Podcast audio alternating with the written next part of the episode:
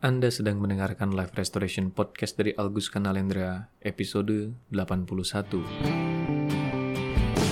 Selamat datang di Life Restoration Podcast. Inspirasi restorasi kehidupan dan transformasi diri untuk membantu mendesain kehidupan terbaik yang layak Anda dapatkan sesuai jati diri otentik Anda.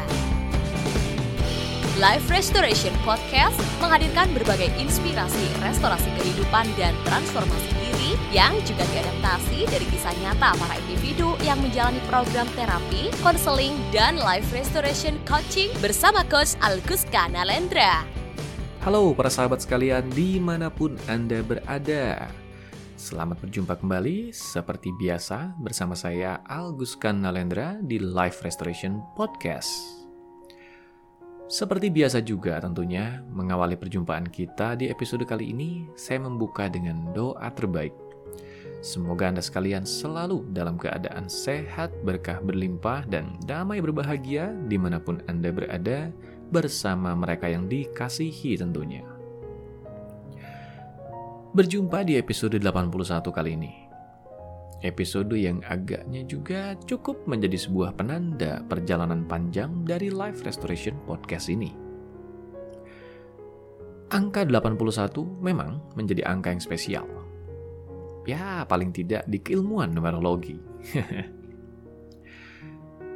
Kalau di antara Anda masih ada yang belum familiar, numerologi menjadi salah satu dari sekian banyak keilmuan yang saya pelajari dan memang beberapa kali juga selipan bahasan numerologi pernah menghiasi bahasan di podcast ini.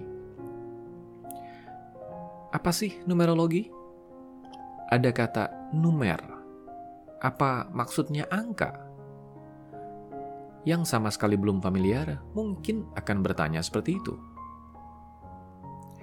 Ada juga yang mungkin sedikit banyak pernah mendengar, entah dari mana, tentang hal ini lalu berkomentar yang hitung-hitungan itu ya, ngitung tanggal lahir dan nama. Nah, ini di satu sisi ada benarnya, karena ada aspek menghitung, karena kata numer tadi memang mengacu pada angka. Namanya angka, ya memang dihitung kan. Tapi sebenarnya numerologi lebih dari sekedar hitung-hitungan. Apalagi sekedar menghitung tanggal lahir dan nama numerologi merupakan sebuah tradisi. Ya, saya menyebutnya tradisi lah ya. Kalau dibilang ilmu nanti ada yang mungkin tidak setuju soalnya. Lebih baik disebut tradisi sajalah. Karena memang ia menjadi sesuatu yang diajarkan turun-temurun secara rahasia tentunya dari sekian ratus tahun lalu. Tapi tradisi apa yang diajarkan dalam numerologi ini? Sederhananya, tradisi menganalisa karakter energi semesta yang direpresentasikan dalam bentuk angka. Jadi, angka-angka yang katanya dihitung tadi itu sebenarnya bukan soal angkanya yang penting, tapi karakter energi yang diwakili oleh angka itu. Bapak numerologi dunia, yaitu Pitagoras. Nah, kali ini pasti tahu kan? Karena di zaman sekolah dulu kita mungkin sering mendengar nama ini di pelajaran matematika menjadi sosok yang dikenal dalam tradisi numerologi sebagai konseptor dari tradisi ini. Bagaimana pergerakan energi semesta dipetakan menjadi sebuah konsep angka yang dikenal sebagai numerologi. Jadi ya, tadi itu, numerologi menjadi sebuah tradisi yang sebenarnya ditujukan untuk mengharmoniskan diri kita dengan aliran energi semesta, yang dalam hal ini dipetakan dalam bentuk angka.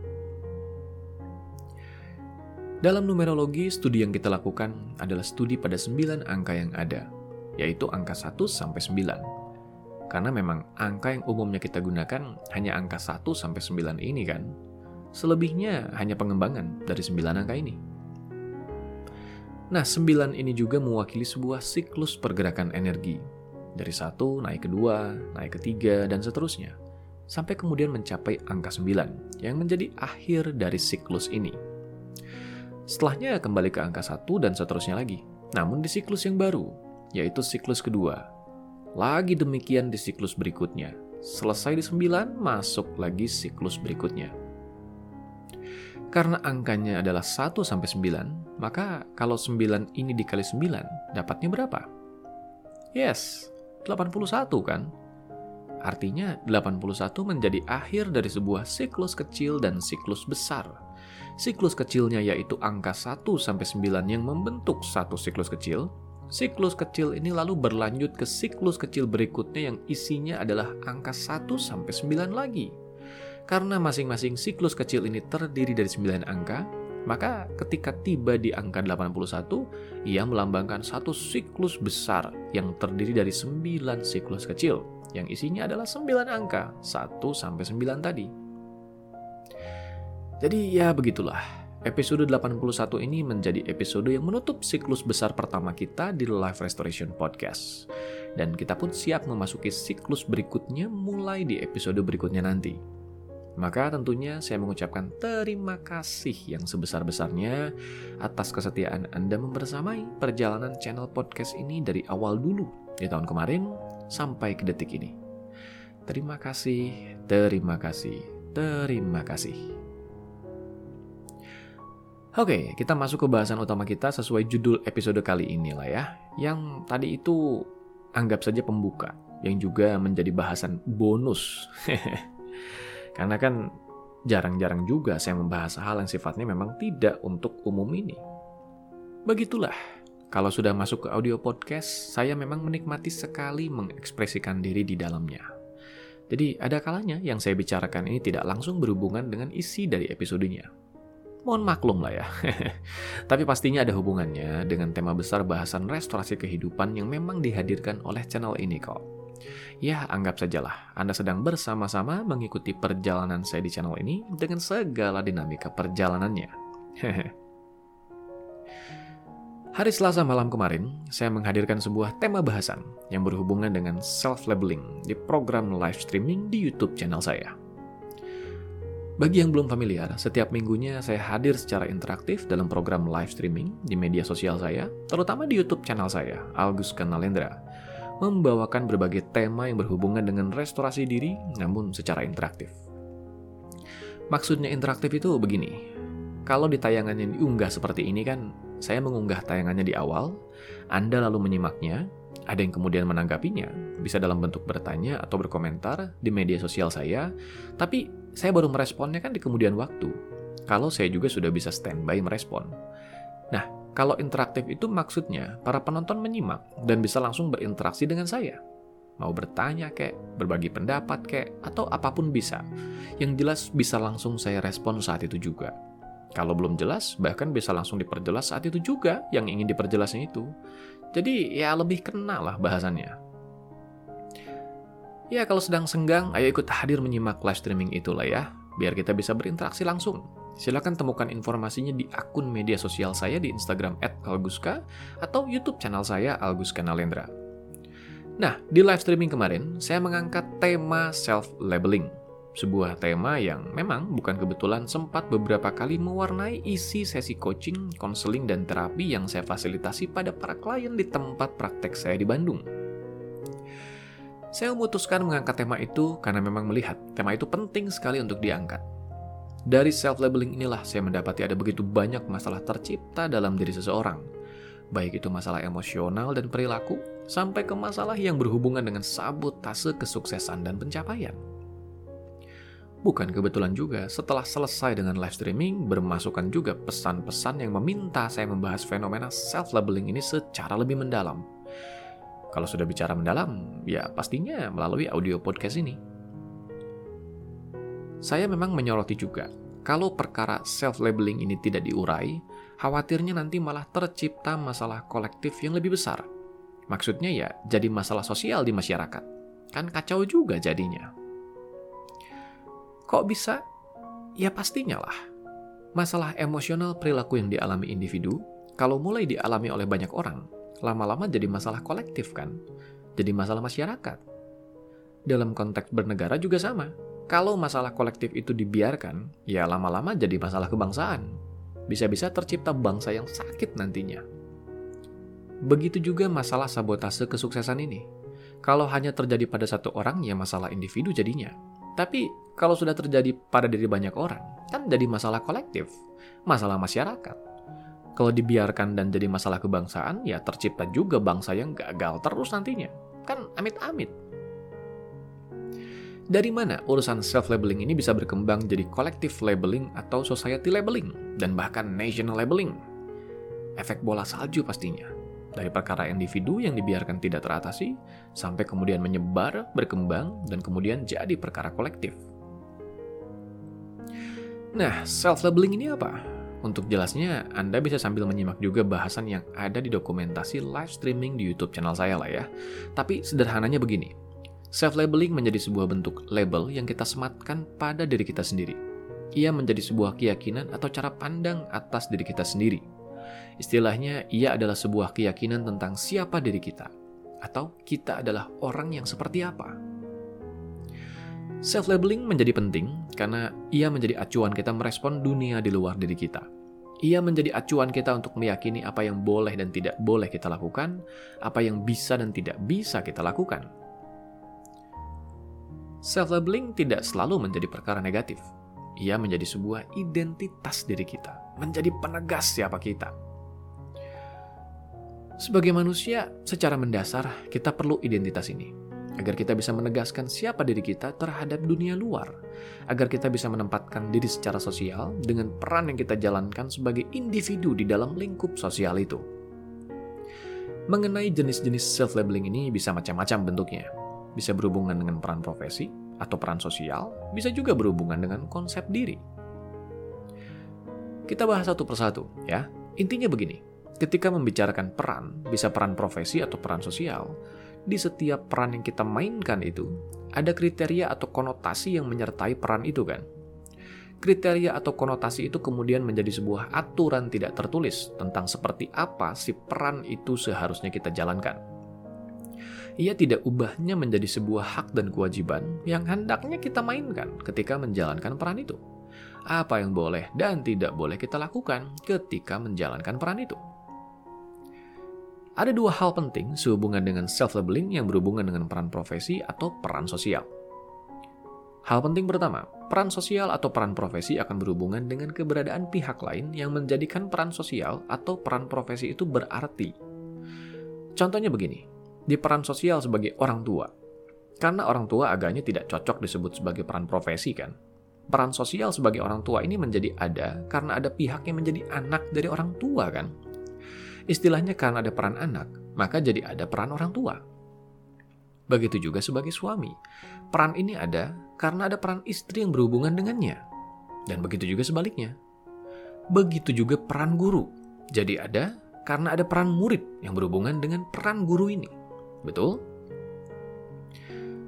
Hal penting kedua, di setiap peran sosial atau peran profesi ini akan ada semacam kriteria ideal yang disepakati bersama secara sosial yang menjelaskan seperti apa peran itu harusnya dijalankan.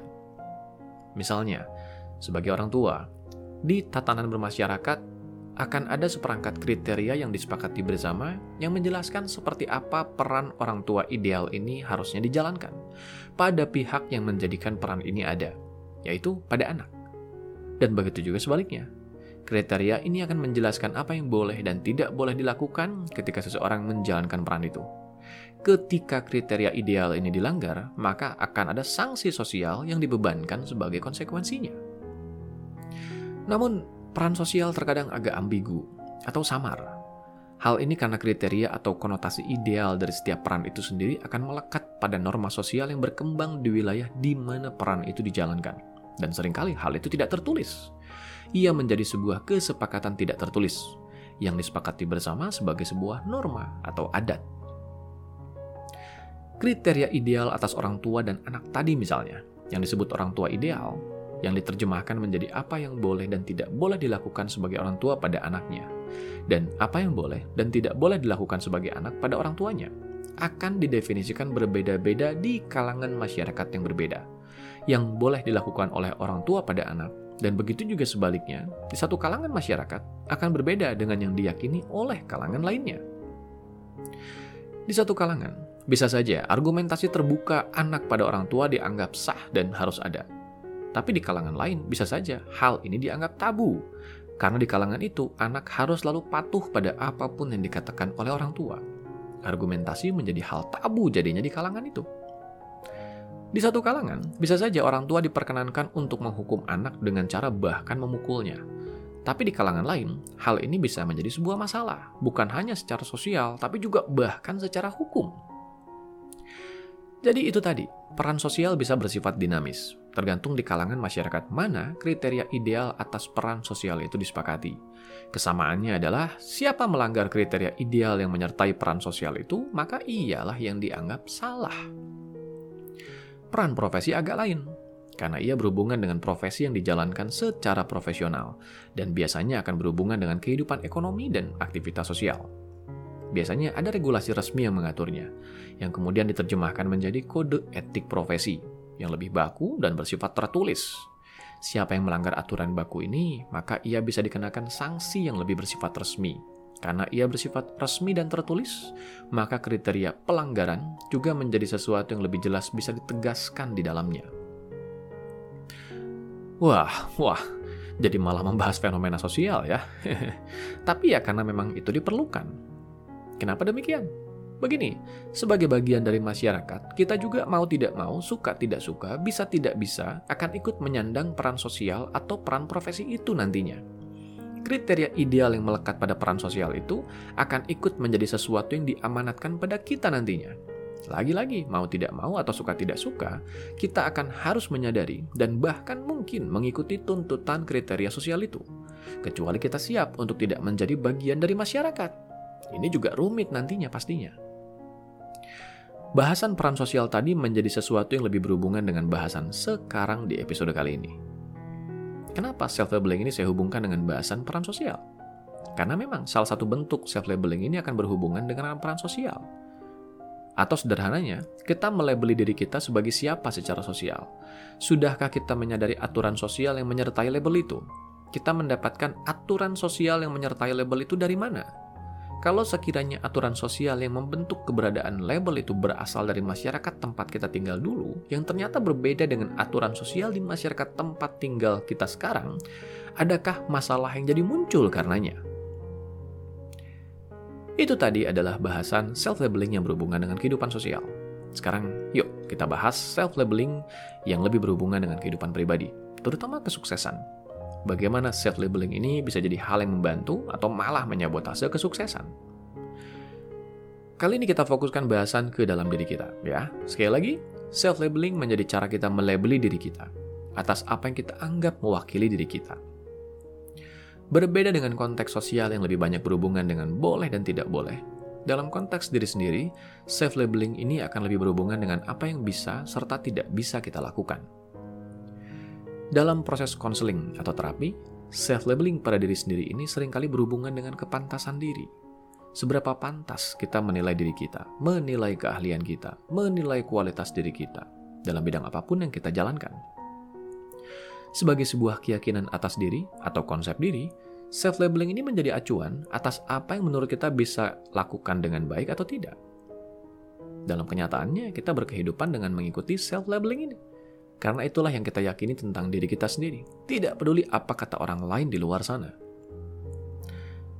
Misalnya saja, seseorang yang memiliki self-labeling bahwa dirinya bodoh, mau orang di sekitarnya mengatakan dia pintar, cerdas, atau apa pun, dia akan cenderung menolak semua pujian itu. Dia akan bersikeras menganggap dirinya bodoh, karena itulah yang ia yakini tentang dirinya. Saya berkali-kali menjumpai orang-orang yang menyabotase kesuksesannya sendiri dengan melabeli dirinya sebagai orang yang tidak mampu, atau tidak kompeten, atau tidak sebagus yang lainnya di bidang-bidang yang mereka tekuni. Mereka jadi tidak bisa mengekspresikan potensi sejatinya karena merasa selalu ada yang kurang dengan diri mereka. Tidak peduli di luar sana orang-orang mengakui dan memuji kualitas kerja mereka, mereka tidak bisa menerima pujian itu. Mereka tidak percaya dan bahkan menyangkal. Karena lagi-lagi, mereka terlanjur melebeli dirinya sebagai orang yang gagal. Perilaku membenci diri sendiri menjadi satu hal yang cukup terpengaruh oleh self-labeling ini. Saya mendapati orang-orang yang memiliki rasa kebencian yang teramat besar pada dirinya sendiri, memiliki self-labeling yang berlawanan dengan harapan dan keinginan mereka secara sadar. Secara sadar, mereka menetapkan sebuah kualitas tertentu yang mereka rasa ideal. Misalnya ingin bisa bergaul, bersosialisasi dengan orang lain, ingin diterima, ingin diakui, dan lain sebagainya. Tapi karena mereka memiliki self-labeling yang buruk atas dirinya, menganggap dirinya jelek atau tidak cukup bagus, maka terjadi konflik internal yang besar dalam diri mereka.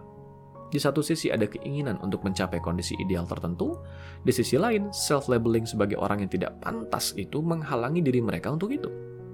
Alhasil, mereka jadi gemas sendiri, dan lama-lama mereka jadi merasa benci pada dirinya sendiri karena tidak bisa memenuhi kriteria kepantasan yang mereka harapkan. Ada juga orang-orang yang sulit mewujudkan pencapaian yang lebih tinggi karena self-labeling mereka memang membatasi diri mereka untuk itu. Misalnya saja, orang-orang yang menetapkan target keuangan di jumlah tertentu. Secara sadar mereka menginginkan jumlah pencapaian itu. Tapi self-labeling mereka menghambat mereka untuk mencapainya. Hal itu karena keyakinan atas diri mereka sendiri yang tersimpan di pikiran bawah sadarnya meyakini bahwa mereka tidak pantas dan tidak akan mampu mewujudkan pencapaian itu. Mereka melebeli dirinya di pikiran bawah sadarnya sebagai terlalu kecil untuk pencapaian yang dianggapnya besar itu. Yes, bahasan itu menjawab dari mana dan bagaimana self-labeling ini bisa mempengaruhi kualitas kesuksesan seseorang, yaitu karena ia merupakan keyakinan atas diri kita yang tersimpan di pikiran bawah sadar.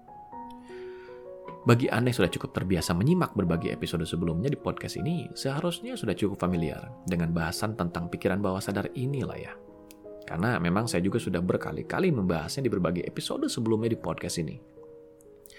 Nah, kalau Anda belum familiar atau baru berkenalan dengan podcast ini, maka saya menyarankan dan bahkan mengundang Anda untuk lebih banyak dulu berkenalan dengan tema seputar pikiran bawah sadar itu, ya. Silakan temukan bahasannya di berbagai bahasan lainnya ada di channel ini. Kita langsung saja ke intinya. Pikiran bawah sadar adalah mesin penggerak diri kita. Ia adalah operating system atau sistem operasi diri kita dengan proporsi sekitar 90% atau 9 kali lipat dibandingkan pikiran sadar. Hal ini menjadikan apa yang kita yakini di pikiran bawah sadarlah yang mempengaruhi respon kita yang sebenarnya.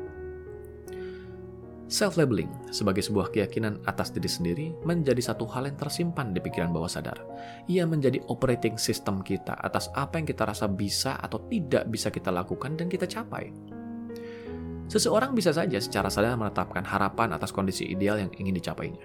Tapi jika self-labeling yang menyertainya adalah self-labeling yang berkebalikan, yang justru menganggap dirinya tidak mampu mencapai yang diharapkannya itu, maka ia akan terus berhadapan dengan sabotase kesuksesan yang menghalanginya untuk mencapai yang ia harapkan itu. Bahasan berikutnya kali ini, dari mana self-labeling ini tercipta di pikiran bawah sadar? Jawabannya adalah dari pengalaman masa lalu. Dari pengalaman tumbuh, kembang, dan interaksi sosial yang kita alami dari kecil sampai sekarang ini. Self-labeling adalah bentuk lanjutan dari external labeling. Awalnya, dunia luar yang memandang atau memperlakukan kita dengan label tertentu. Lama-lama, label itu kita setujui dan menjadi label yang kita yakini dalam diri kita sendiri. Kalau self-labeling ini bermula dari external labeling yang bagus, ya bagus juga isi self-labeling ini. Mereka yang dulunya sering dikatakan sebagai anak pintar, anak cerdas, anak baik, atau anak rupawan, maka akan mengembangkan self-labeling yang begitu juga jadinya Ketika dewasa, self-labeling ini berkembang jadi orang pintar, orang cerdas, orang baik, atau orang rupawan, dan sebagainya. Tapi sebaliknya, kalau external labeling ini isinya yang negatif, seperti anak bodoh, anak jelek, anak yang tidak becus, atau anak yang tidak pantas, maka itu juga self-labeling yang tercipta dan akan terus berkembang sampai dewasa menjadi lebih parah. Menjadi orang bodoh, orang jelek, orang yang tidak becus, atau orang yang selalu salah. Self-labeling yang terbentuk dari external labeling paling banyak tercipta dari pengalaman tumbuh kembang sewaktu kecil. Bukan berarti ketika dewasa hal itu tidak akan terjadi, tapi biasanya self-labeling yang berkembang di masa dewasa lebih banyak self-labeling yang berhubungan dengan peran sosial. Sementara self-labeling di masa kecil lah yang lebih banyak berhubungan dengan cara pandang atas kepantasan diri kita. Self-labeling negatif yang terbentuk dari masa kecil inilah yang paling banyak menjadi sabotase kesuksesan. Karena ia menjadi acuan yang paling dasar Kalaupun nantinya ada external labeling positif yang diterima di kemudian hari, external labeling itu akan rontok karena self labeling itulah yang berkuasa lebih dulu atas diri kita. External labeling ini bisa didapat dari lingkungan dekat, dari orang tua misalnya, atau dari lingkungan teman-teman di masa kecil, dari perkataan dan perlakuan mereka yang terjadi secara berulang dan berkepanjangan. Self-labeling negatif tidak lepas dari trauma dan luka batin, Semakin banyak seseorang mengalami luka dan pengalaman traumatis di masa kecilnya, maka semakin berbagai kejadian itu akan ikut mempengaruhi dan membentuk self-labelingnya. Saya memandang trauma atau luka batin sebagai hal yang mempengaruhi ketahanan psikis seseorang. Seseorang yang sering mengalami trauma atau luka di masa kecil, dan hal itu tidak terselesaikan sampai dewasa, akan lebih rentan dan rapuh ketahanan mentalnya. Kondisi itu juga yang menjadikannya lebih mudah mengembangkan self-labeling negatif yang menjadikannya memandang dirinya secara negatif, sebagai keberadaan yang tidak pantas. Dari sanalah sabotase kesuksesan berkepanjangan bermula. Karena tidak peduli seberapa banyak pun peluang positif bertebaran atau pengakuan positif didapatkan, tetap saja self-labeling negatif itu yang menjadi operating system yang akhirnya diikuti. Jadi, bagaimana solusi mengatasi self-labeling negatif ini? Satu prinsip kunci, yaitu rubah self-labeling negatif ini di pikiran bawah sadar. Karena di sanalah ia berada. Temukan bagaimana self-labeling negatif ini terbentuk. Apa saja pengalaman yang membentuknya, sembuhkan luka atau trauma yang ikut membentuk self-labeling itu. Lalu ciptakan self-labeling baru yang lebih bermanfaat. Perkuat self-labeling positif itu, agar ia menjadi manfaat dan daya ungkit untuk meningkatkan potensi sukses kita. Sampai jumpa di episode berikutnya. Dapatkan lebih banyak inspirasi restorasi kehidupan dan transformasi diri dengan ikuti Instagram @alkuska dan YouTube channel Alkuska Nalendra. Kunjungi juga website www.alkuska.com untuk temukan lebih banyak informasi menarik lainnya, termasuk untuk memesan layanan profesional bersama Coach Alkuska Nalendra untuk membantu mendesain kehidupan terbaik yang layak Anda dapatkan sesuai jati diri otentik Anda.